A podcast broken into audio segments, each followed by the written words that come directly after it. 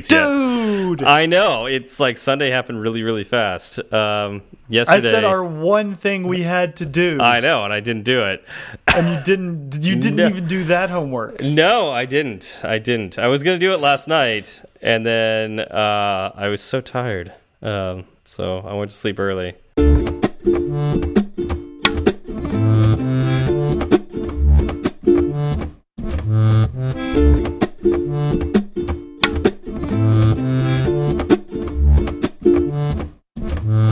Hi, I'm Zach. And I'm Steve, and this is Fireside Swift. How's it going, Steve? Pretty good. How about yourself? Oh, it's going very well. Had a pretty relaxing weekend. Um, looking forward to the week ahead. I I don't think I have relaxing weekends anymore. Oh, Like- you need to get yourself one. Well, I mean, that'd be nice, but it, may, and also it might have something to do with being on vacation the last couple weekends, and so like coming back, everything. Well, and it wasn't like a vac like a relaxing vacation too. You know, it was, it was travel. So I got back from travel, and and so those weekends weren't relaxing. They were they're fun and all that, but they definitely weren't relaxing. Um, and then everything catches up and you know you want to see people and you want to do things and like there's other things you meant to do like during the week that you didn't have time to do and so you have Yeah. to do them over the weekend so i could use a relaxing weekend Next weekend, I, I believe next weekend will be your weekend. I have faith. yeah yeah we'll see about that anyways uh so zach it's Yes, sir. been it's been a week um has your uh has your code improved at all The code that the code that I have written has stayed the same. The code that I wrote in the past week um, probably needs to be checked out. Checked out yeah, but, Yeah. and so would you use something like sentry for that I would love to use something like Sentry for that. I mean, I know that I don't write perfect code. I know there are times when I, uh, you know, I, I finish writing a big piece of functionality and I test it, but I probably don't test it as well as I should. And you know, this, the line crosses my mind. I'll just ship it, yeah yeah yeah and yeah. um, those words can be disastrous. They can be, eh, but you know sometimes you have to. And the reality is, we all need crash reporting software, and uh, especially when you're looking in the future, when uh, a major crash reporting platform is going to sunset, and you need to change your code anyways. Um, you know, you could actually look around, and Sentry could be a great option for you and your company. So, Sentry is an open source platform. Uh, it's cross-platform with a whole bunch of different uh, uh, frameworks that you can hook into. Um, a bunch of uh, plugins and all that kind of thing, and it's got industry-leading React Native support. Uh, I can't say enough good things about Sentry, uh, especially the the open source aspect of it. Uh, I know Zach, you and I have talked about that. Uh, Right. Yeah, it's great It's the- for. Yeah, go ahead. Well, I was saying it's really nice to be able to see how they use the data, right? How they Mm-hmm. how they get it and how it's uh, you know your users are basically running their software in your app, right? Yep. So it's, yep. it's good to know what goes in your app. Absolutely. Like uh, at, in this time of privacy, GDPR, and you know the the big boys that uh, have data leaks, it's nice to have a software package that you can look at all the code and see where your data goes and completely control it if you wanted to. Uh, and so that's something that Sentry provides for you. Uh, so right now, uh, if you get onto Sentry.io, um, and we'll provide a link that makes this a little easier in the show notes. but you could put in promo code Fireside Swift, get hundred dollars credit uh, towards anything you use Sentry for, and uh, yeah, hopefully uh, you're using uh, crash reporting software, and Sentry's a great choice. Uh, so thank you, Sentry, for supporting Fireside Swift. yes, thank you very very much. Yeah. Um, now let's talk about a little follow up. Mm, follow up. I like follow yeah. up. So we, we heard from our good friend Joe Cab. As we do. Uh, we- He's- as he, we he, do. He likes he likes to follow up. I like that. He does. I like following up with Joe I Jab too. appreciate it. He said Yeah. that he loves the rehash idea. He said he isn't sure where he was a year ago, so he could use a few more refreshers along the way. So maybe we should just go through each episode. Like we did optionals first. What was our second episode? I remember it was a it was protocols, and that one actually really does need to be redone, right? That was Yeah, the one we- where we read a bunch of code. That was just. oh, that's right. I forgot about that. Yeah, we had we had no idea still what we were doing. We recorded that one twice, and it just ended up terrible. yeah, we should probably do that one again. That, uh, That that's a great topic. Um, I mean, considering that there's entire like protocol oriented programming, like there's an entire like way of programming that revolves around pro uh, protocols. Um, Yes, So and we I, should, uh, I I think we did not do it justice. And you know, I wrote a couple of blog posts for it and on the site, and I don't know if you've seen this uh, recently or not, but I actually took them down. oh no, I didn't see that. yeah. Uh, now's a good time for you to find out. Um, Yeah. because I went back and I read them, and I thought, you know what, I did not do a very good job of explaining what it was, and um, I did an okay job, but it wasn't up to where I wanted it to be. And I also I bit off way more than I could chew. Uh, Mm-hmm. Yeah. So I think the bet best idea for me was to take them down, and maybe uh, someday I'll I'll get my thoughts together, and I'll actually write something that's more coherent Okay. than, than what I put up last time. Okay. I mean, we, I think you and I have determined that we are not great blog post writers. Um, I, I'd like to think that our, our podcast is a little more coherent than the way we write. Um, so, you know, that's that's I find that interesting. Like, I wish I could write what I say, but for some reason I can't. Um, Right. And it, some people are So- so incredibly gifted at it. And I think it's it's one of those things that, you know, the more you do it the better you get at it. It's very Oh, hard to that. it's very hard to do it in a very public forum like a Mm-hmm. blog, especially when you're saying I'm going to teach you about this subject. That's a lot of responsibility. Um, and the podcast is nice because it's just a free form conversation. We've set it up to where it's just you and I ha just talking, right? Like a couple Yep. of buddies sitting down Yep. and talking about Swift. Uh, blogs, I feel, are a little more structured. I, I agree with that statement. Uh, but uh, oh, it was uh, Mike uh, Golden Pipes. Uh, he Oh, uh, good old golden pipes. yeah he uh, he sent an email a while back uh, with a lot of really great suggestions. And, That's right. That's right. I, I I was gonna write. Did, did you ever send like the half written reply to him that I I wrote? I hope so. If not, hey, Mike. Hi, Mike. Um, so he, he gave a bunch of really great ideas, and so uh, yeah, at some point in time, I, I know I need to revisit blog posts, and I'm going to look back to that email because he had a lot of uh, again fantastic tips and tricks. Um, so I'm going to look at that again, and someday I'm going to try to tackle again because that's a, that's a skill I'd like to have. I'm just. I I know I'm not there yet. I'm I'm not either. Um, yeah. So Yeah. maybe maybe next time. Yeah. So uh, also uh, on Twitter at seven Farah seven. Yes, Am I saying that right? All right. that, that's how I Um, would say it. Anyways, uh, there was a uh, they saw an error uh, when attempting to listen to the show. Um, it's the the the error said something like the identity of www.firesideswift.com cannot be verified by podcasts. Uh, review the certificate details to continue. Uh, I've I mean, we looked at that. I didn't see any issues on my end, but it sounds like uh, so we host the podcast, like all the episodes, uh, the and the RSS feed that uh, Apple Podcasts subscribes to. Uh, we host that through Squarespace. Um, and I'd like to think that they're perfect too, but uh, you know maybe they need Sentry as well to uh, to review when things go wrong uh, because Exactly. uh, this is something that that shows me that that went wrong and i know particularly with certificates um, ssl certificates things go wrong with that every so often and it's it's yeah they Yeah. sometimes there's not much you could do about it on your end Right. so And and so I, I sent out a tweet asking if anybody else had seen it. Mike Garvin seventy on Twitter said that he had, but it works now. So I'm not sure Okay. if there's some twitchiness just in the system. well my guess it was like a temporary outage or yeah some something went wrong um, on the Squarespace side. But uh, yeah, it seems like it's working now. Uh, but if anybody else sees that, uh, we would love to hear because uh, you know we'll we'll get to our provider and or our sorry not our provider our host and talk talk to the host and see you know if there's anything that they could do on their end. Yep. Um, yeah, because we don't like that. We don't like when people can't listen to our episodes. Yeah, no, that's a problem. uh, AppFrosh also uh, tweeted at us. Uh, he said that he loved his mention on the last, last episode, so congratulations, App Frost. Here's your second.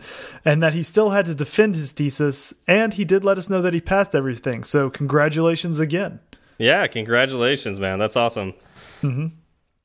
Um, I don't know. Should we mention this one or should we save that uh, for later? Because this let's, one's uh, a big one. That. Let's save right. that. All Tune right, into so, the after show. Yeah, I think we're gonna have a, a really fun after show with this one. So there there is one more follow up, um, but this one's so uh, powerful that uh, you it, it, deserves its own discussion. So oh, far and away.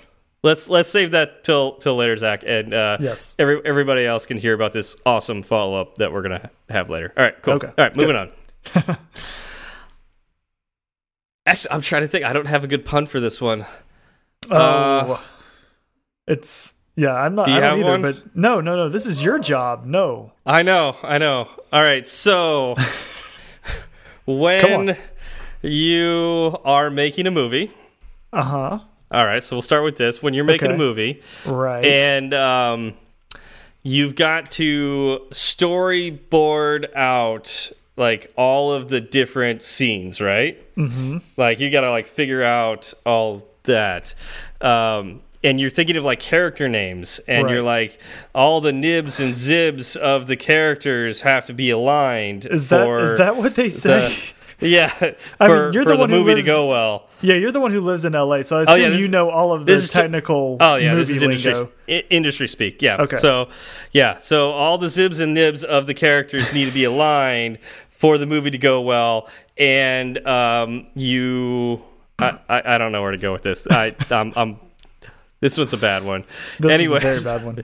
Yeah, so uh, we're covering uh, Zibs, Nibs, storyboards, and a little bit of programmatic view creation. Is that kind yes. of where we're at? That's um, that's the plan for tonight's episode. We'll see how it goes. Yeah, there's no way we can cover all of this, um, but we wanted to point out some of the differences and you know why people choose one way or the other. So yes, um, so let's let's start with nibs and zibs. Yeah, you know when you have to figure out the nibs and zibs of your characters. yes, yeah, whatever that, that means. Yeah. Uh, so, so um, nibs and zibs are effectively the same thing.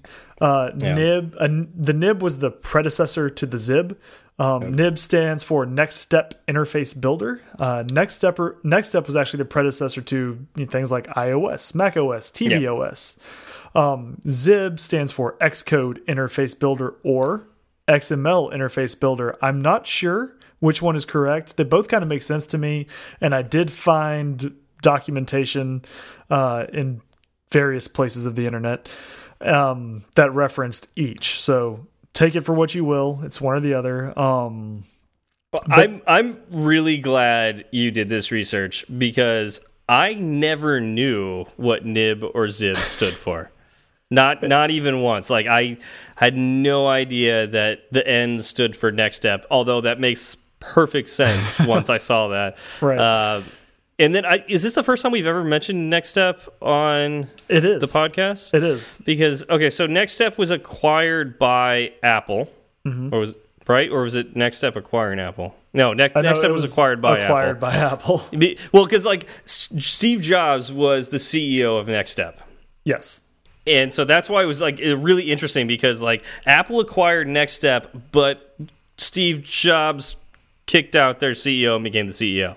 Yeah. So it was like kind well, of like was, Next Step acquired Apple in a weird way. Well, what it was that was in the uh, right. So Jobs was forced out of Apple yep. and then became the CEO of Next Step. Yeah. Next Step got acquired by Apple, which gave Jobs the foothold to make a power play to actually re, re uh, establish himself as CEO of Apple. Yeah, very, very weird how that happened. You, usually, companies that get acquired don't have that CEO become their CEO and fire all their executives. But, but, usually, the CEO of the acquired company was not the CEO of the acquiring company previously. Yeah, pretty pretty weird. Yeah, it is. But what's interesting about it in particular is Next Step permeates a lot of iOS code, and so like um, it's starting to go away. But we used to have a lot of NS objects. In fact, NS object is an object that is there, um, but. Um, you know, NS was the prefix for a lot of the objects that we had uh, throughout iOS, Mac OS, which wasn't called Mac OS back then; it was OS 10. Um, but uh, you know, with the especially with Objective C, you know, that was the prefix. Yes. And you know, it makes perfect sense that nib would be would stand for that as well. So Right. I And. I, I just find that fascinating. Like the whole story uh, behind, you know, why we have NS object. Yeah, yeah, yeah. It's really interesting, it's, and it's neat that it lasted as long as it did. Uh, we're only now starting to drop prefixes like that in Swift, uh, but uh, you know, there's still legacy. Like you'll see when you uh, get down to the the base level of objects that it's an NS object to begin with, and then from there you add your own flavor to it. yes. So, yeah, All I don't know. right, so Interesting. back back to like the actual functionality of nibs and zibs. So uh, you would build. I'm just gonna say instead of saying nibs and zibs from now on, I'm just gonna say zibs. yeah, that works. As long as you know everybody understands that a nib is effect effectively a zib. I mean, I know that you and I are calling it a zib, but are we sure that's how you pronounce it? How would you pronounce it? Well, I mean, it's not a Z. Uh, I pronounce it zib, but like Yeah. it's not a Z. It could be xib. I'm gonna call it. I'm gonna call it zib until uh, Mr. McSwiftface on Twitter corrects Oh, me. that's that. Yeah, I'm really curious what he has to say because Yeah. I'm sure he has an opinion on this. So. I'm sure. I'm sure as well. Um. So anyway, you uh, build them in Interface Builder. Mhm. and you can create one that's associated to that uh, dot swift file that you're making by ticking the also create zib file box when you go and create a new cocoa touch file so that's an easy way to get your zibs paired up with your swift file Um, yeah, that's by far the easiest way. Mm-hmm. Uh, and you could do it after the fact. You can make a view controller and forget to click that box, and then later go and create the zib. But man, it's way easier when you're creating to just click that little checkbox because there's a couple things uh, you've got to remember to do uh, Yes. if you forget to uh, connect it right off. So. Uh, what, like one of those things are like when you are you know, when you open that new zib, uh, if you want to connect it to a view controller, you need to make sure you click on the files owner, uh, which is a little hmm, how do I say this? A little toolbar on the the left side. It has uh, files owner at the top. You got to click on that. Then on the right side, with on that toolbar, you got to click on the identity inspector, which is like the little file looking one, right, Right, it's Little- like the one in the middle kind of right Yeah. And then in there, you got to type in whatever your view controller's name is, and that's how you can connect them. which is it's interesting that uh, that's kind of as buried as it is i know Yeah. that once you get used to the way xcode works you know exactly like you can just navigate there in your sleep no problem right yep, yep. but yep. for a beginner like if i just started programming in swift and i actually so i didn't use zibs when i started i used storyboards and we're going to get to that later but they kind. Yep. of suffer for this from the same issue uh Yep. you know i would create create my scene and i would completely forget to do this step because in my mind and i know what everything needs to be connected to um Yeah. why should i have to tell xcode Yeah. that too uh and it leads to a lot of interesting issues and yeah finding out how you connect it up is kind of it actually was like my first stumbling block. I mean, you you can overcome it quickly, and it does become second nature once Yep. you uh, know what you're doing. But um, you know, gaining that knowledge could probably be done a little bit more easily, sure. in my in, my opinion, because it's so fact- important. In fact, you and I were talking about this before the show, and you had asked me the question like, "What if you forgot to do that? What happens? It it just crashes, right?" Right. And I, th- I, I, I use Zibs all the time, and I said, "You know what? I don't remember the last time I forgot to do this if it crashes or not right off the bat. like I literally don't remember what happens." And I assume it crashes, but uh, we didn't have time to go through you know the testing process to see if it does. But you know, you know, just, just don't forget to do it. I guess is the Yeah. the thing there. I would Um, I would hope it would crash because that's something that needs to be figured out pretty quickly. Yeah. Um, yeah. But you also need to you also need to name your zib file name the exact same as your viewcontroller.swift file name. Mm. Um, unless you're doing a custom initializer, and then you could have a different name for it. But if you don't do a custom initializer, Xcode doesn't know what the zib is supposed to be, and so it will fail. And again, I don't remember if it crashes right right, right away or if it just gives you a blank screen. I think it just crashes, but yeah. you know, like I would said, hope I didn't, I didn't, I didn't do the whole test to make sure before we recorded this.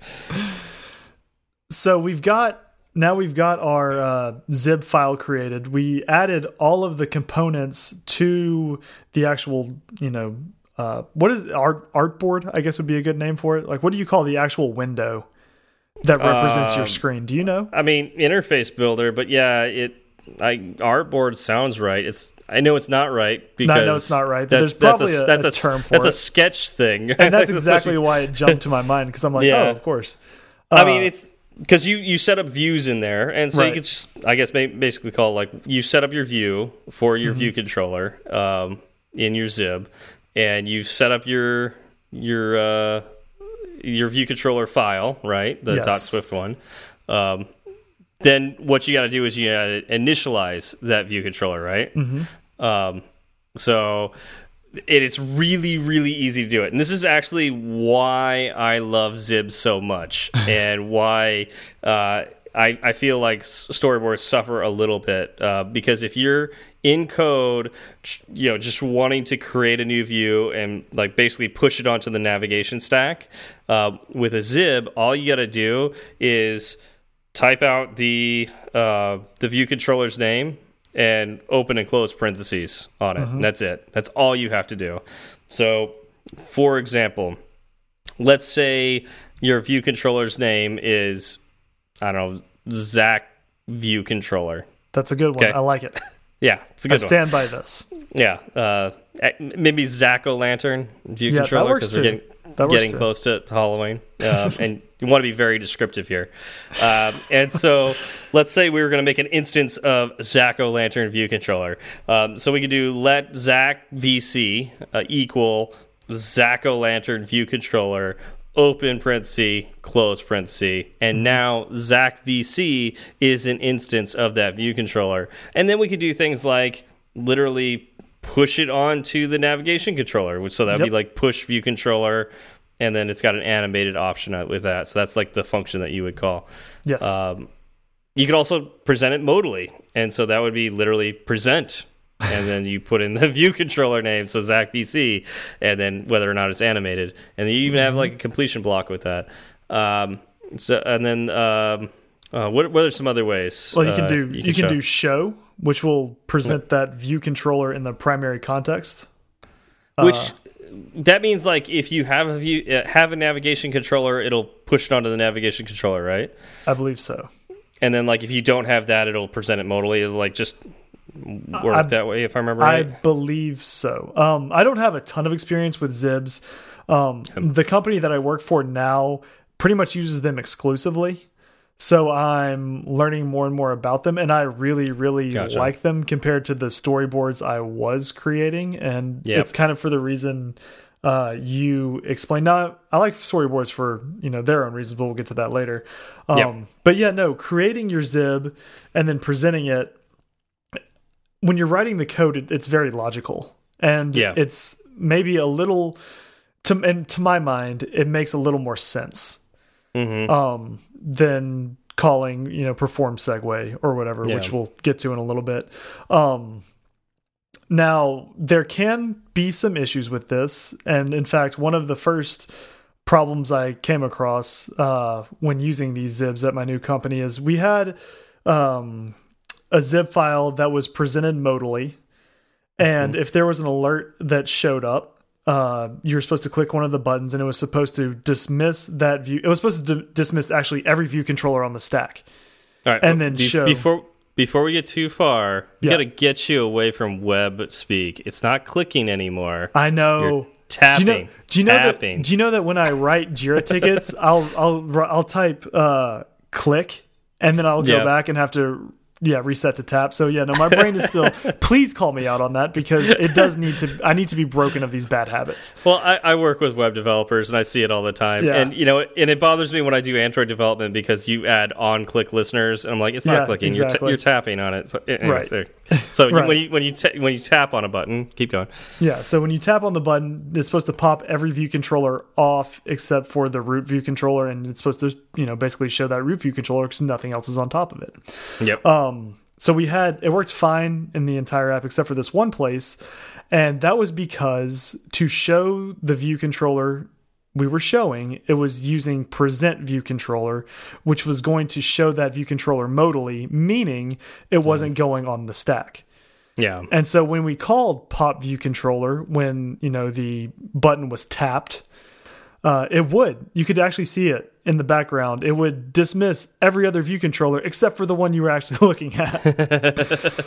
um, Yeah, and that it- that kind of threw me for a little bit. I was like, I see it happening, and a little more research, and I found out that this was the reason. Yeah, I mean, I, I wouldn't say that that's a problem with uh, nibs or zibs, um, but because I, I feel like you would have that same problem with storyboards. But I could see how like because zibs make it so easy to look at your code and see which view controller you're presenting at any given point in time, why you go, well, wait a minute, like this should Yeah. work. You know, I- all the other ones go. Uh, whereas with storyboards, and again, we're going to get to it. In fact, we're going to get to it right after we finish this this small discussion right here. Um, with storyboards, because everything's so visual, and you're working with segues, and you're like, well, I just need to go to, I need to do this segue, and then this segue, and then this segue. I could see why you would. Uh, it would just make more sense with that. You know, that way. Exactly. Exactly. So let's jump to storyboards now. We've already touched Okay. on them a couple of times. We Yeah. really need to And we- talk about them. And we've already teased it like three or four times that like we're going to get to this. So like let's get to it. Uh storyboards. Yes. Man, this is Apple really wants us to use storyboards, right? I believe so. I mean, I this is one of the reasons why I fell in love with Xcode and Swift is because as you mentioned, I was a web developer. I was a web Yep. developer that hated hated HTML and CSS. Uh-huh. I did not like setting up everything um, programmatically. And one of the major problems with that was all of the different platforms your web page can be presented on and how it seemed like there is no standard for, you know, if I'm showing on Firefox versus Chrome versus any of the flavors of Internet Explorer versus Edge versus something on a phone, you know, Yeah, on on yeah. a yeah. Um it tended to break a lot of that code and they all broke it in different ways. And so it was just a major headache. So the first time I saw a storyboard, I was like, this, this is what I want to do.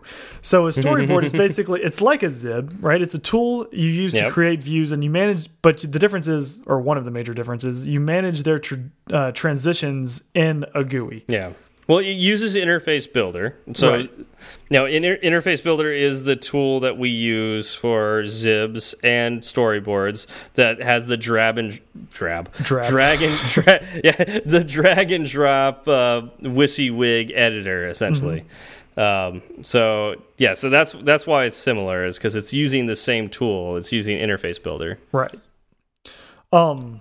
So yeah, you build an, an interface builder. The different one of the differences these files will have an extension of .storyboard as opposed to .xib. Yeah. And then, like you were saying, uh, you deal with essentially scenes, right? Yes. Um, as opposed to uh, a single view controller. You could have many view controllers and then also describe how they interact with each other. Right, and that is when I fell in love. Yeah. Um, I was able to lay out the entire flow of my app in one file and see how things moved from one place to another. Now, yeah. again, this was my my first app, and I've gone back and I've done a little research, and maybe laying out your entire app is not the best thing to do in one storyboard file. Maybe it's not. Um, Yeah. You know, as as development wore on, and I got towards the end of you know having everything uh, where I wanted it to be, loading up that storyboard file really took a long time for my computer, drawing everything and getting everything where it needed to be.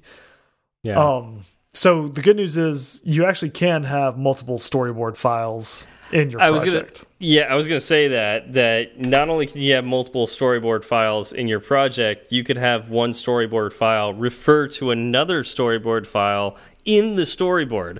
So it's actually like a little card that says, "Oh, go to this other storyboard," and actually go to this view of that storyboard instead of just like.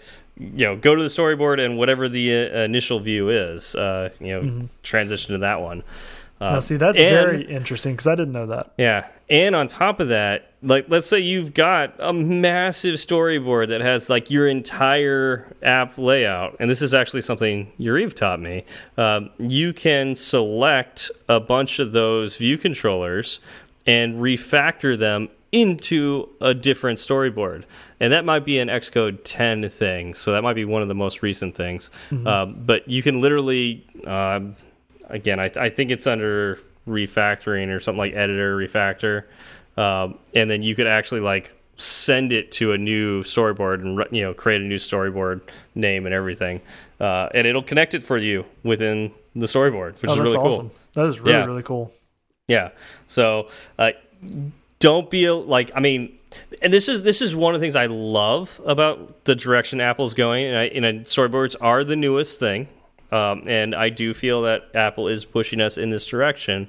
Um, they are trying to make it really really easy for beginning coders to get into it and and like to see what they're trying to do but also progressively show like as you get better like new ways of uh, organizing that and making it Right. you know allowing you to get to that more advanced level when you're ready so Yes. when you're not ready put it all in one file but when you're ready to handle multiple files and like the interaction between all of them apple's got you there too Yep. uh, and and to be completely fair, um, because the way that the app that I'm working on now is built with mainly Zibs and my unfamiliarity with them, uh, the first couple of times they asked me to create a new view, I did it. I did them both in storyboards.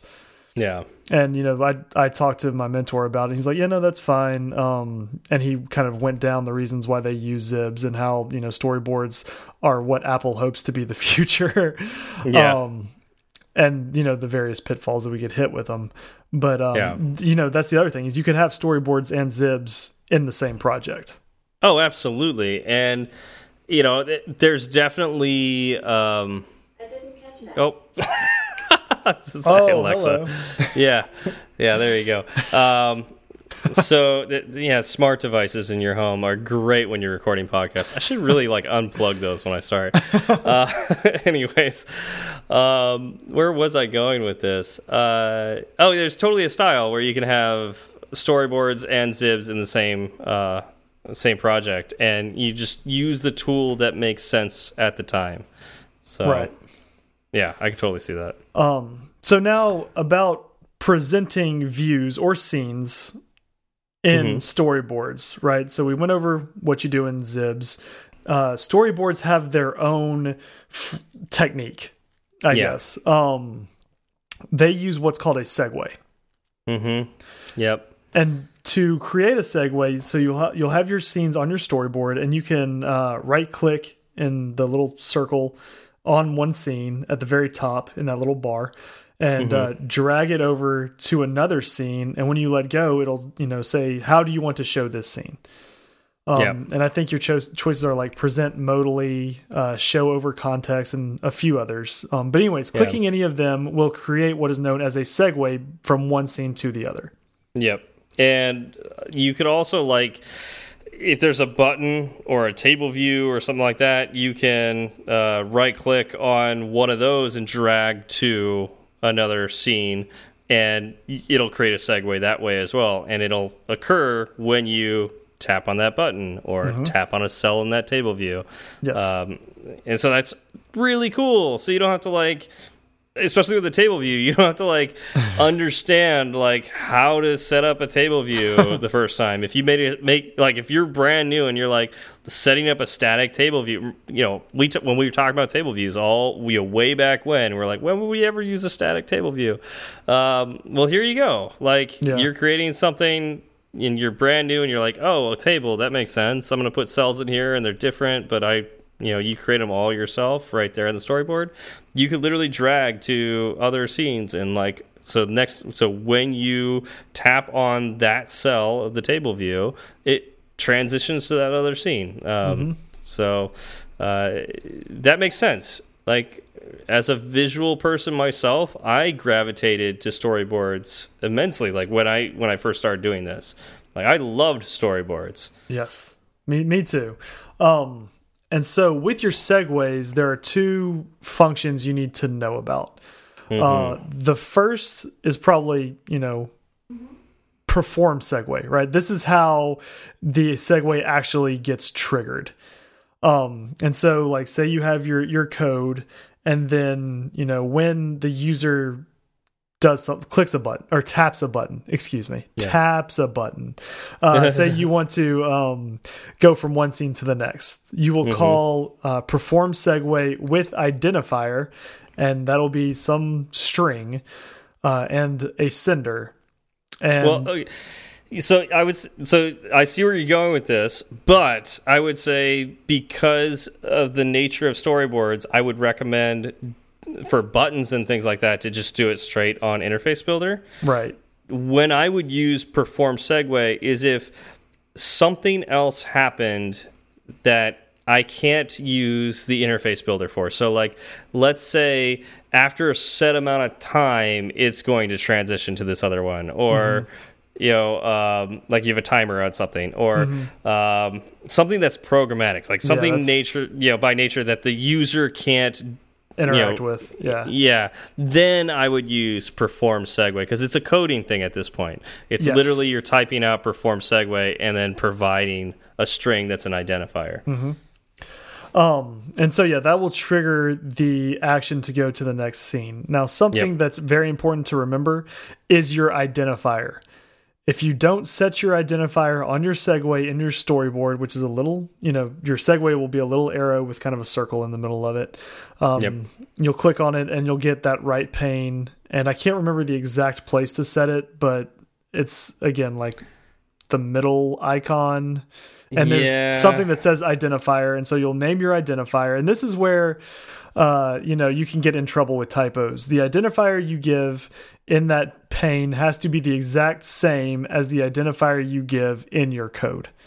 Yep. If it's not, and you go to perform the segue that doesn't have a correct identifier, your app will crash. By the way, that's the attributes inspector. It's the Thank little you. diamond or shield looking icon. Mm -hmm. um, so that's that's the one you would set your uh, your identifier in. Perfect. Yep.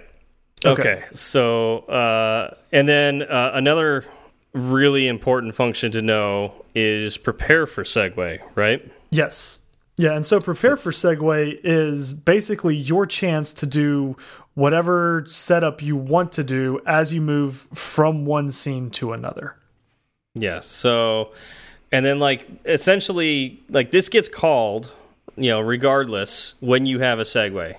And so if there's I mean, it could be setup. It could be just like I just want to know that the user is doing this, and I want to do something else over here. Mm -hmm. uh, you just want to hear about it, and or I, I, I mean, setup's really the main thing you would do, right? Like dependency yeah. injection. So we've talked yes. about that, a, you know, a while back in a previous episode. But basically, what that means is, if I know what this next view controller is, I can set properties on it. So I can already like say that, you know this value, like the user tapped on this cell in the table view. Like that's important to know. And so you pass that value in to the new view controller. Um, that's literally dependency injection. so you would you would do that in prepare for segue. Exactly. And that that's kind of the main points of storyboards. Yep. Um, All right. So, okay, go but ahead. I think we need to talk about we need to take just like a little bit of time and talk about why uh, especially companies that you would work for uh, have a hard time with storyboards. So you Oh. you mentioned that uh, like your company uh, doesn't use storyboards. I'll tell you right now that my company doesn't use storyboards. Um, And so, why why is that? Like I said, I I don't have a full understanding of why Mm-hmm. my company doesn't, but I think you may have a better understanding of why your company doesn't. I think one of the main things is um, when you're working with a team and you're using uh, something like Git, uh, you know, some sort of uh, source control. Um, you, when you're working with storyboards and you're changing a view, you're changing the entire storyboard. Mm, Now, you can solve this by having multiple storyboards, but you're still having multiple view controllers in that storyboard. So that increases the chance that two teammates are messing with the same file. Well, a storyboard under the covers is just XML. Right. So something, you know, a source control software like Git will handle that just fine. The problem is it's not always human readable. and that's really the problem with uh, storyboards is that like when you get to configuration management and you're like I you change the you know you change the storyboard and then I change the storyboard. How do I know? And there's like a merge conflict. How do I know which lines to keep and which lines not to keep? yeah. I I don't. I I really don't. And it's it's a royal pain. And so typically like if you're working with a larger team, man, you you really have to like look at somebody go, I'm you I'm making changes to this storyboard for this branch. Nobody touch the storyboard until I'm done and it's merged back in. Um, and that makes it really hard when you're yeah, again, you have a larger team and you want to work together. Even smaller teams struggle with that. Uh, whereas with Zibs, it's one view controller per Zib. So really, I mean, you could have the same problem.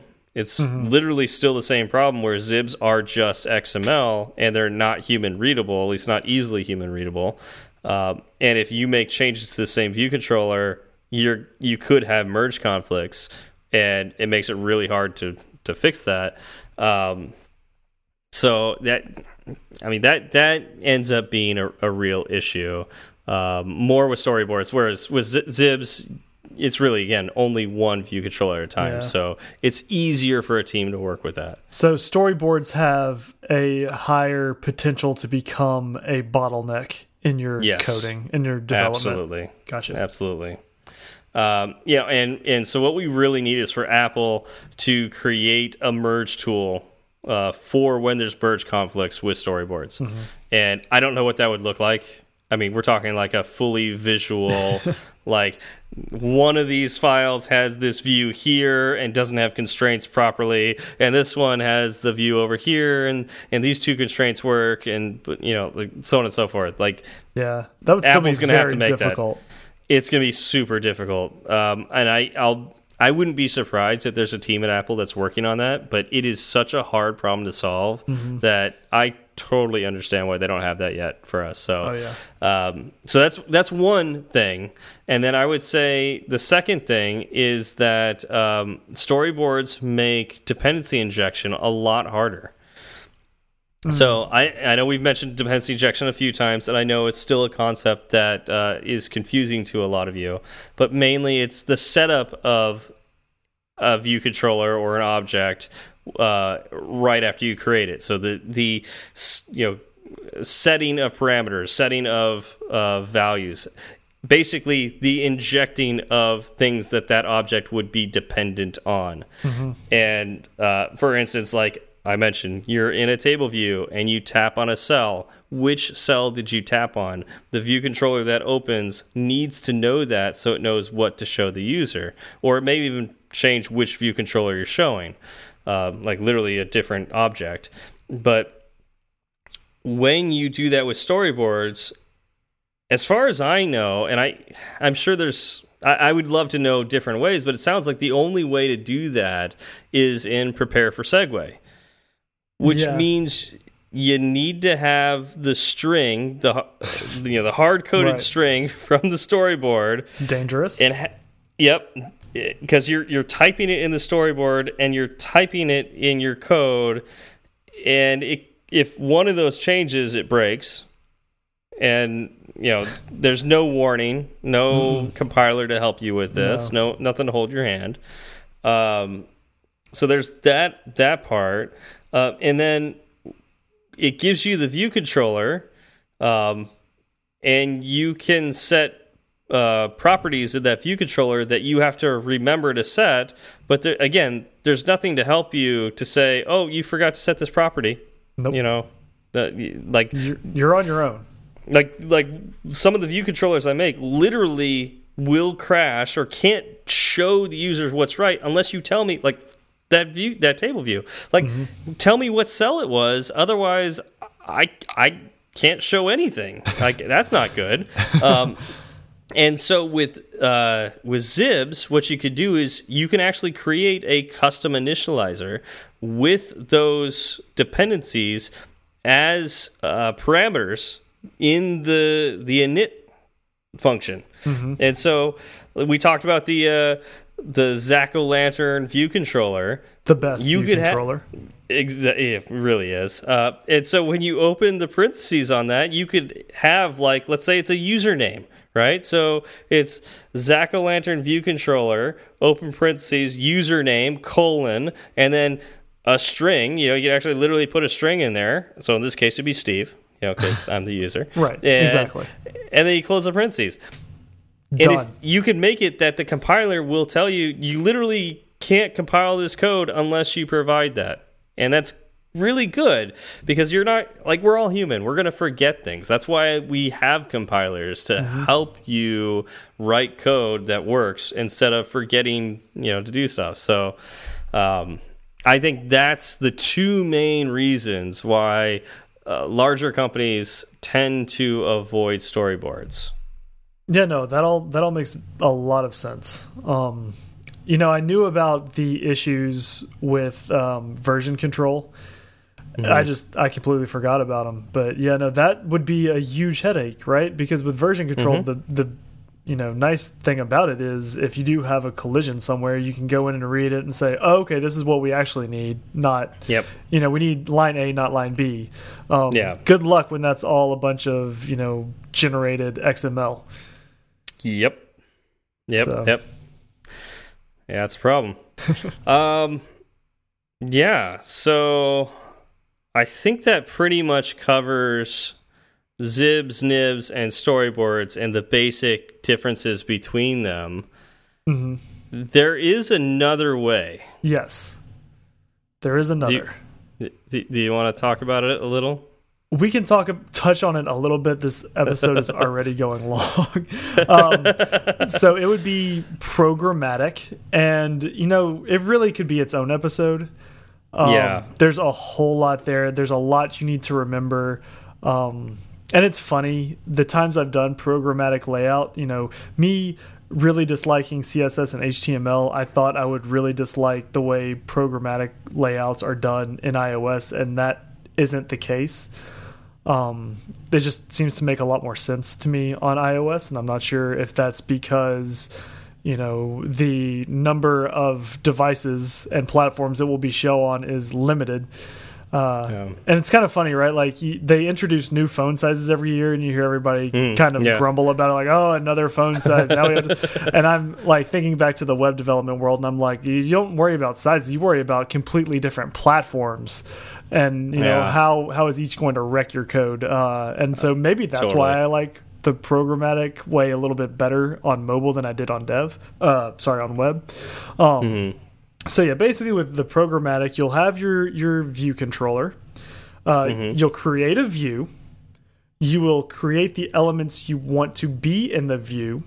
You will then add the elements to the view, add the constraints between the elements, uh, and you know the elements in the view and yep. um, that's your basic layout. And they all have again, it's it'll probably be its own episode at some point. Yeah. Uh, so yeah. yeah, there's there's you know functions and whatnot that go into all of that. Right now we're just barely barely touching on it. Um, something that is very important to remember is an attribute called translates auto resizing mask into constraints. This property gave me so much stress when I didn't know it existed. right? Yeah. I I would I remember trying to do programmatic constraints and just like banging my head against the wall because I didn't realize that this thing was happening behind the scenes where it was it was translating auto resizing masks into constraints. Mm -hmm. So it was literally creating constraints for me based on the frames I would give these views I would create and put on my view view yes. controller. So yeah, so it, it's true by default, and so yeah. fixing it is actually pretty easy. You just set it to false. Yep. And that means that this doesn't happen anymore. But as Steve pointed out, there's no you know, this kind of goes back to this is a an error that is basically logical, right? Like the compiler yeah. can't help you with this. And even when you run your code, you'll just look at it and think, well, that's not where I wanted anything at all. And you'll think yep. it's an issue you had in setting up the constraints when yep. that is not necessarily true. What it is is your constraints are basically being thrown out the window yeah. because it's, you know, translating the auto resizing mask into its own constraints. Yep.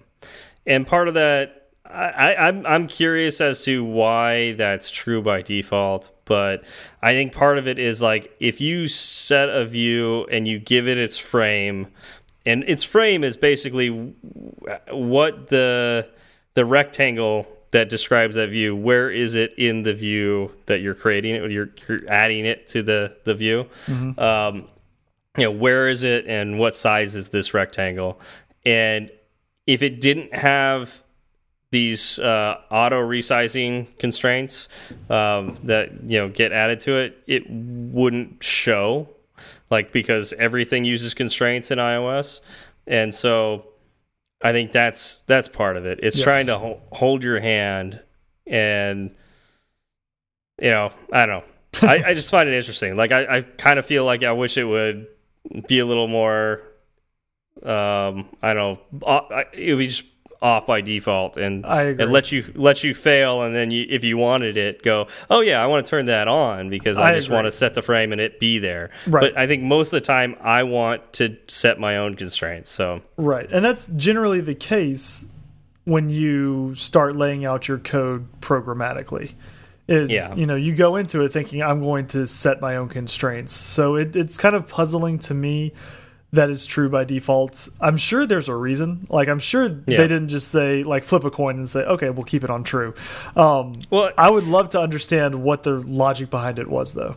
Well, like I said, I, I think it's it, I think it's part of you know helping beginners get but it doesn't quickly acclimated because well it, if you set a frame it, it literally will show that view where you set that frame uh, but the, the, the, the problems occur when you start rotating stuff right. And I just I yeah. I feel like it does more harm than good. Like yes, maybe uh, it helps you get started, but then you end up paying a larger price later, and that may not yeah. be the best way to go about it. Well, this goes to my argument about like how iOS really helps you do multi-threading until it doesn't. Yeah. Um, yeah, like it'll it's very forgiving with multi-threading until you do think you do it a little too often, and then it's it's not forgiving at all. Um, it just crashes randomly, mm -hmm. and then you need something like Sentry to be able to there you go figure out that it crashed. What happened?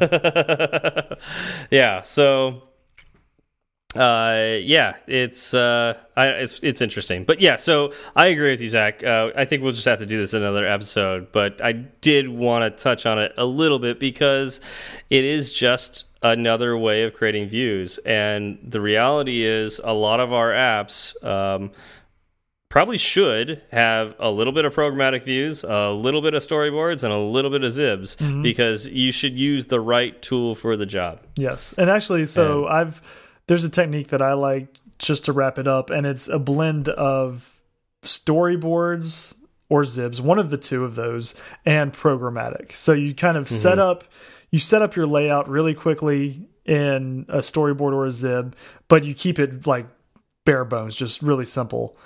Mm -hmm. and mm-hmm. then you add everything you need to add programmatically. So you'll set up like, you know, your buttons and let, you know, handle the constraints on the storyboard or zib side and then uh, define what those buttons do and, you know, how everything reacts on the code side. Yeah, no, I think that's the the right way to look at it. Uh, yeah, use pro you can always use programmatic to augment one of the other two styles but it's just like mm-hmm. i want to get away from the idea that one is right Yes. you know one is best and one is not best i think the reality is like you know again use the tool that works best mm-hmm. for the way you work So, Exactly. Yeah, we have options. It would be a shame if everybody thought they had to use one. absolutely although I, I you've seen it like there are Oh, no, arguments there's- that that's run across the internet where oh man people are very very And uh, we will sure we will let those is best. people argue. We will let them Yep. argue here at Fireside Yep. Swift. We uh, we just want you to do what works for you. Yeah, absolutely. All right, so I think that covers it. I think it does. Uh, we should we should do some shout outs. of course. Uh, Yeah. How about Af- Afara? Ifera? I'm not sure, but iFara. It's like iPhone, but like oh. But wouldn't yeah. the F be capitalized then? Oh, well, who, Um, however you say it, they left us a five star review, and we're very Yes. thankful for that. Thank Um, you. Yes. said we had the best puns, uh, which makes me question if they know what a good pun is, because Oh, usually know. it's usually They it's know. Steve doing it, and Yeah. uh, that exactly. but but anyway, they said that they learned they uh, been learning learning so much with the podcast. The hosts are always trying to make the content really enjoyable, and it definitely works. So that's awesome for us to hear. That's what we strive for. Um, Yep. And thank you so much. Yeah, thank you. Thank you very much. Um, also, uh, I think this is uh, important to throw out there. Um, so I'm trying to think when it. Oh, I, I you didn't write the date down, so that's killing me. December Oc December fifteenth. 15th. December is fifteenth. what I was going to December fifteenth in the LA area. Um, Garrick, uh, myself, uh, I think Raghav, uh, Yuriv, and several other uh, several of the other people uh, part of Swift Coders are going to be participating in something called Hustle in Code. Um, it's going to be uh, basically. Uh, I know we're going South Central LA. Uh, there's another location as well, and I can't remember where that is.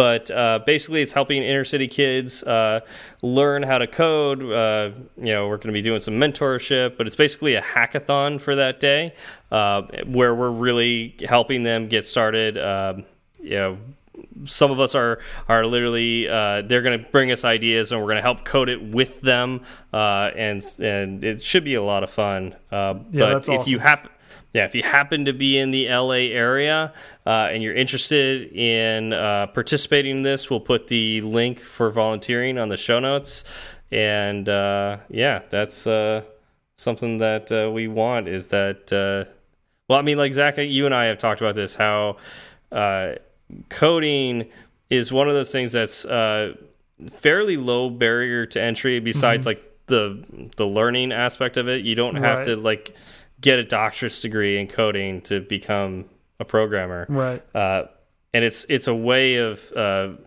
I guess moving up in life, and like moving up in status. Yes. Uh, you know, it's uh, so this is a great way to help people um, better themselves, Yes. and uh, that's why STEM has been really important to me.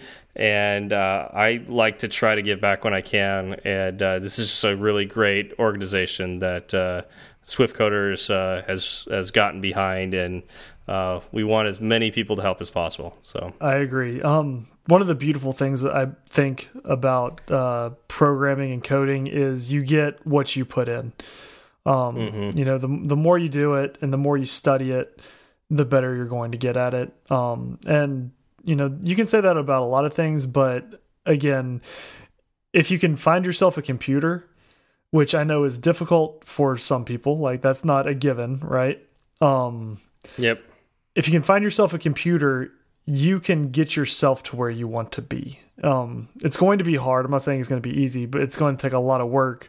But the uh, the possibility is there, which doesn't really exist in a lot of other professions. That's true. Yeah. Um, yeah, and, and part of the the the tough part is getting computers to Yes. to everybody that is interested in doing this. And I know a part of this is uh, you know, at least for the the event, letting uh, them borrow computers, and so I'm going to be bringing an extra computer with me, so more kids can actually try coding. That's awesome. Uh, yeah, because I, yeah, it's it's it's cool. Yeah. I like it. Yeah, no, I want to I want to hear all about it. Um, I'm I'm interested. If I were in the L LA area, I'd be right there beside you. I 100% believe it. um, all right, well, uh, want to thank everybody who's listening to us so far, obviously, and uh, thank you, uh, Sentry, for sponsoring us. Um, and uh, yeah, thanks for coming by, and we'll see you next week. Y'all have a good one. It's such a good feeling to be at the end. A happy feeling that there may have been a mistake or two. So we'd like to hear from you. Twitter's great, Breaker might beat it. Email's fine, but we rarely read it. But we love five star reviews, and we promise to mention you. So get a pen and write this down. Just kidding, who's got pens around? Still, they'd love to hear from you. Steve Berard and Zach Falgout. Tweet at Zach and have some fun. At TFALG, or you do one. At TFALG, or you do one. He'll write back when his work is done. Tweet at Steve and you will see clever use of the emoji at SWB.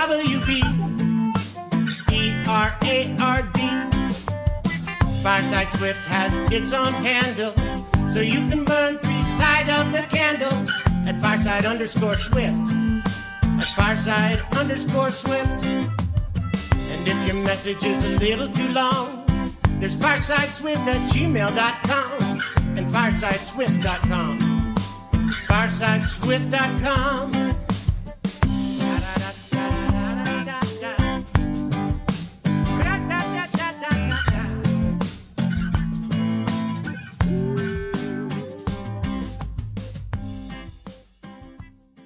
All right, um, so this is going to be a, a, an interesting after show because Yes. uh, a we're acknowledging that this is the after show, and normally we just have a conversation and like we're we cut it out, but like this after show, so we need to dedicate this to one one man. I assume it's Yes. a man, yeah, with with a name like John. Um, yes, you would you would think. Um, yeah. And by the way, have you ever heard of a more apt Twitter name John Payne. for someone? Well, no, no, that's not the that's the person's actual name. Well, yeah, the, the ad, the, the yeah. Twitter handle of Harmonic Lattice. Yes. Uh, I mean, now it's, I mean, it is so apt that I, I can't think of anything else when I, I, I think of, of John. Um, Yes. But okay, so like let, let's start. Let's start with uh, the beginning of this. Um, You Be- mean going all the way back to September 27th? Well, yeah, yeah, exactly. Because this was after our episode that we released right before I left for Italy, right? Right. And I remember seeing these tweets go through. So uh, this is this is actually tweets in response to the um, the announcement tweet, right? Like the one that you Correct. you normally do for for every episode. Right. Um, so yeah, this is I said, you know, this we are live uh episode 52 half naked self and pizza uh, from the Fireside Swift By Twitter way, wait, account By, the way, by the way, say naked again. half naked self and pizza Ne- what did I say? Naked. Naked. N E K K I D. That's how folks in my part of the world say it. Naked. Oh, jeez. All right, keep going. Naked. Just naked naked naked. Well, it, it- Um, and I don't even know how you said fol folks. Folks. What? You say folks, Folks. again. Folks. Okay, it's- not. Come that, on now. All right, well, you, the way you had said it was now. pretty bad. All right, keep going. um. Anyway, uh we got I think 44 replies to well, so we got 3 replies to that tweet. One of them was a tweet storm of 44 tweets. Did we determine it's forty four? I mean, I mean yeah. it was it was something around did that. did it stop I- at forty four? Because we last I counted it was forty four. I, I thought it kept There were- going. There were more. I know that I Okay. talked to you about it So- on Friday night, Yeah, and then Saturday exactly. morning There was we even had more. a few more roll through. Yeah, yeah, yeah, So this is something that started on September 27th, and yeah. And I has and yesterday. So just for the people at home, yesterday was October 13th, yes, yeah. So it's and we were still getting tweets about it. And yes, this is two weeks. Two weeks. Yes. And, and here's the thing: like I remember, it was like shortly after September 27th, maybe the 28th or the 29th or something like that. I'm I get on Twitter at night. I remember it was at night, and I and I'm like almost getting ready for bed. Like I just. I don't know. It's just I happened to just pull out my phone. I was like, yeah, I'm just curious what's on Fireside, and so like I I look and I see you know one and maybe I got a notification at that point in time or something. I don't remember. Um, and so I look and I see the the stuff by John, and I'm like, oh, this is interesting. I started reading, you know, the first tweet, and he's like, uh, oh, he said something about getting points for something, and and yes, and so he acknowledged that, like, oh yeah, you get partial points, and for that, Which I will give I you. take. Yeah, exactly. O- Obviously, we're going to take partial points. I mean, we're Obviously, not we're yeah, not no. leaving points on the table here. We we no, take no, no, no, no. we hoard our points when we get them. Um, and and uh, so he's like, all right, well, so you know, as your reward, I'm going to explain to you what a harmonic lattice is, uh, because you had, I remember Zach, you had asked on air, like, you know, what a harmonic lattice was, and uh, so he starts describing what a harmonic lattice is, and he at first, like, I mean, it makes perfect sense, like, uh, uh, not- I would say perfect sense because some of this kind of rings true to me because I have played musical instruments in the past, and I've also studied signals and systems, you know, in in electrical engineering, um, and a lot of this is similar to that kind of math, and and so it made sense to me, and it was like the the these are the most technical tweets I think I've ever read, and, I know, right?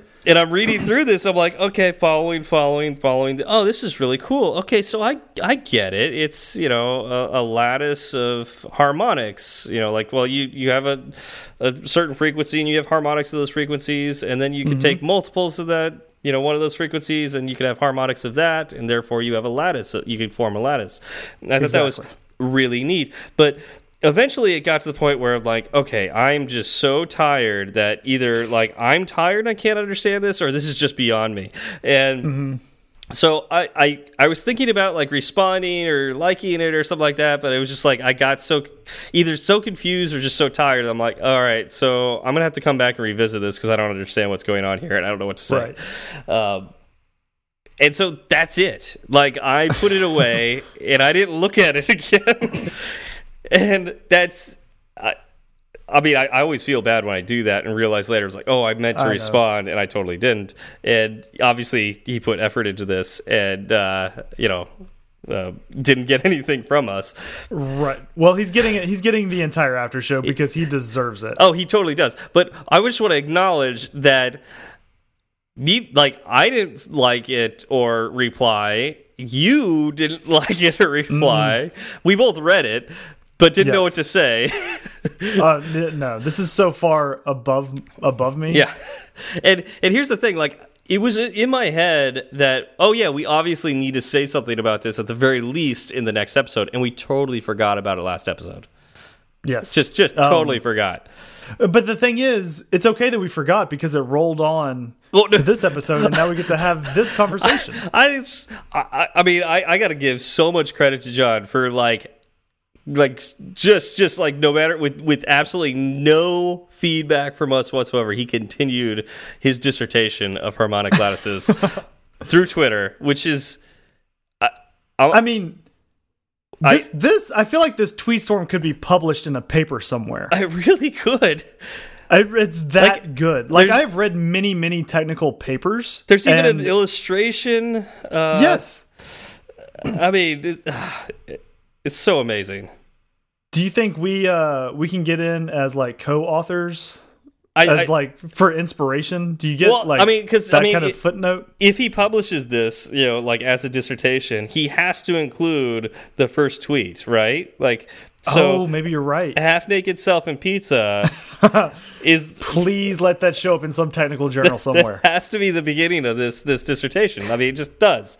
Oh, it has to be the title of the dissertation, I would think just so. like it was the title of the episode. Uh huh. Yep. yeah. Yeah. Um, it's something about how you had you had multiple chicken nuggets. Um, yes. Uh, hmm. the the thing that gets me the most about all this is the persistence. Um, That's ditto. it it it just kept coming, and I was impressed. yeah. like floored at how amazing this was Yeah. and the quality of tweet like it never got to one line like Uh-huh. it you know did y'all see this or you know anything like that it was like Yeah. i'm going to keep expounding on this thing that he is obviously a very very passionate about Oh, and yeah. b very very knowledgeable of and Yeah. i'm i'm floored Me too. like i want to know i want to know something just basically any topic as well as he knows harmonic lattices Right. Yeah. I I, I, I agree. Yeah. it's Yeah. it's impressive. So Well, uh, Yeah, yeah. go ahead. Well, what I was gonna say is like, we can't respond to this. I like- I don't know what to say at this point. Like, it, well, I mean, at this point, like, we we can't ruin this. We gotta like, we gotta see because like, okay, so this episode we're recording on Sunday. It's gonna release on Thursday. And then he'll he'll hear this this conversation between uh, you and I. So then he'll finally get acknowledgement. But we, we can't say anything till then. Like we can't. Oh no no no no for sure. I'm can't keeping it let- under. I'm yeah. keeping it under wraps. Yeah. I feel like his genius is coming out because we are shunning him. Like this is this is genius Well, born out of. Uh, It's not so much a shun as it is neglect. neglect. There you Those go. Those are two very different things. I mean, isn't Shun like shun implies some sort of active avoidance. oh yeah, that's a good point. Pushing pushing away. Neglect is yeah, Yeah. exactly. No, we're we're like uh, was uh, like uh, yeah, the rich people back in the twenties who raised their kids, or you know, Right. they, they were like better seen, not heard, that kind of stuff. Like, Exactly. yeah, Yeah. we we need to uh, neglect John while his and it's causing his genius to bloom. Um, I was about to say yeah, maybe it's maybe we're onto something. I think we're onto something. We should. Uh, So if anybody has actually, you know, tweeted at Fireside Swift and they haven't gotten a response, really it's because we cared about you so much. We were trying to evoke your inner genius mhm, yep, that's it. as it. we have with harmonic lattice. yeah, and so wait, does that mean if we've responded, we don't believe there's genius there? Um yes. Mainly to uh Swifty McSwiftface and Yeah. Yarif. Uh, yeah. Those two. I, I feel like we responded a lot to Joe Cap too. So you know, oh well yeah. Joe that I mean that goes without saying. yeah. Uh, we love you all. Yeah, Yes, thank you yeah. for listening and thank you for interacting. I'm so happy that we get to do things like this. I'm so happy that this is a part of my life. Oh, I know, I know. This has given me so much joy. Like, I mean, it's hurt my brain. Uh, Rocky likes it too, by the way. I, I hear him squeaking. Um, Yes. but uh, you know, this hurt my brain. But it also just like the fact that it exists, just, uh, just make like it fills me full of joy that that something like this exists, and you know, it just, I guess it makes me a little sad that like. I want more people to see it. So I guess this is this is how like we could kind of get the word out that like, hey, there's a really really cool thing about uh, harmonic lattices here on like attached to one of the A tweet- weirdest weirdest Yeah. named episodes that we've ever A had. tweet we sent out on September 27th. Yeah, And again, like we can't go and I, I can't retweet like his first tweet to us right now because I don't want to ruin it. no, we. I mean, we could do that after Thursday. You know, Well, after Thursday, yes. Maybe maybe Friday afternoon. Hopefully he's Yeah. listened to this. Yeah. Because I don't want him to know about it. I Yeah. don't want him to think, oh, why are they retweeting this first tweet in this uh, massive tweet storm? Yep, yep. We gotta figure out some clever way that uh you know. I mean, this is this. I feel like this is a clever way of letting him know. But like, I I, I want to know if he's he's listened to this. So it's like, how do we? I do too. Yeah. So maybe he'll respond to us. So John, if you, oh, here we go, John, if you hear this, That's one way to do it. I want you to uh, tweet a, a unicorn at us because you know how much Zach likes unicorns, especially especially Love with uh, what was it, flaccid horns. Yes, flaccid Um, horns. But I don't know. I don't know if you'll be able to do that. But if you just tweet at Zach and I a unicorn, we'll know that we can promote the crap out of your uh, your awesome dissertation here. But but also the the tweet with the unicorn you send at us, we'll probably ignore that too. I don't know. I might like that one. Well, no, there's no telling what he knows about unicorns, Oh, and if we acknowledge it, Good then point. we'll never know. yeah, we need to uh, neglect his uh, unicorns as well. Right. Sorry, John. So all all of this is to say we are here on the other side of the computer, and we are seeing all of it. Um, Yes. And it was fantastic. it was so fantastic. Tip my hat to you.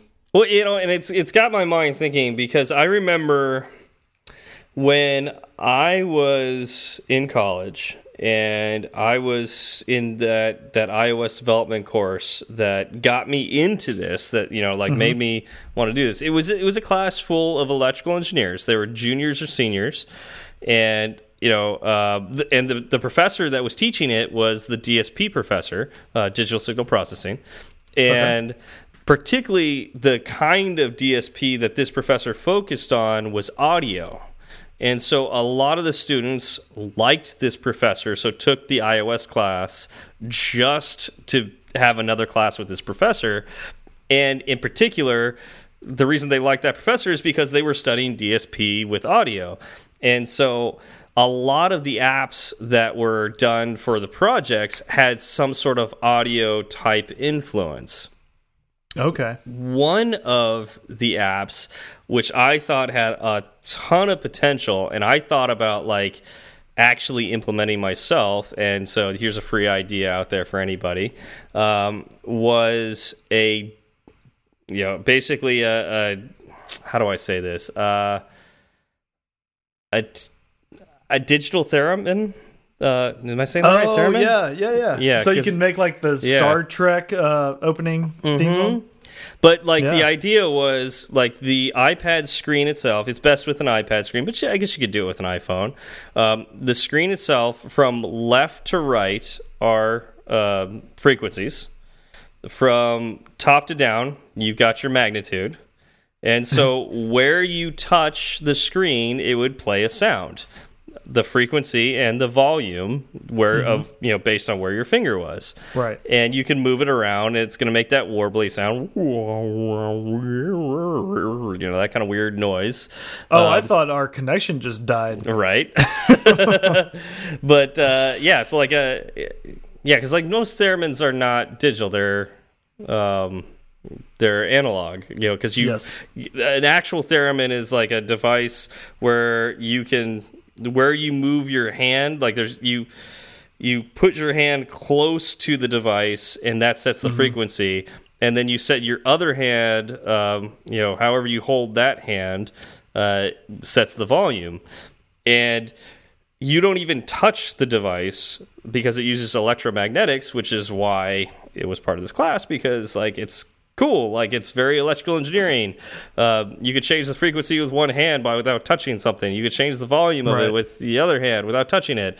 Um, and so, like, somebody had made like a very, very basic version of this digital theremin, and uh, I remember giving it to my cousins and stuff like that. Oh, like, he gave me the code, and so like I I put it on my iPad and like had my cousins play with it and all that. They loved it. All the parents hated it because it's so loud and so annoying. Thanks a lot. But uh, where I'm getting with this is you could take the concepts of this harmonic lattice and combine it with uh, like this digital theremin idea and maybe restrict some of the uh, the frequencies that uh, you can actually activate um, or guide you know the finger to you know like uh, or you know guide the sound to one of these uh, harmonics as opposed to just playing, you know, based Just on where a- the finger was, Right. or even just drawing it on the screen, right? Like uh, make the instrument, you know, how the the you know the user has to learn how to play the instrument, eh, but you could give them guidelines like like we have on guitar, right? Um, Yep. on, e on a lot of violins, they'll even put uh, little stickers on them to let you know where to put your fingers because Yep. you know that's where the frequencies are that you want to hit. Um, So, anyways, uh, I don't know that that just got me like reading this stuff on a harmonic lattice made me think of that app again and go, it'd be kind of cool to take a look at that again. Yeah, no, no joke. And he kind of alludes to that at the end of the the tweet storm, uh, a digital instrument, which Yeah. I think would be would be very interesting. So, Yeah, uh, I would kind of like to see him give that a shot. absolutely. Yeah, absolutely. So, anyways, yeah. And thank you, thank you for like literally uh, an hour and a half of entertainment as Steve and I tried to dissect like the last third of the tweets. Yeah. and and came up just short. Although I do feel like I like even without understanding it, I could probably get an undergrad degree in harmonics just based on the first half of what he sent. Yeah. Well, I mean, I mean, this read like a lot of the papers that I used to read when I was, uh, you know, working on getting my my master's in electrical engineering, where it's just like I'd start reading and have no idea what I'm reading, just just mm-hmm. no idea, and then like, but you just keep on, you you power on, Yep. and then after a while, like a sentence will like kind of make sense, and then like you grasp some of some of it. And like later you could you know later when you're thinking about it you go okay maybe i understood more about it than i thought. And somebody asks you a question you can answer it based on that paper and you're like wow okay i guess some of it i did absorb and Yep. then you go back and read it again and you're like oh okay i kind of get that but i'm still totally lost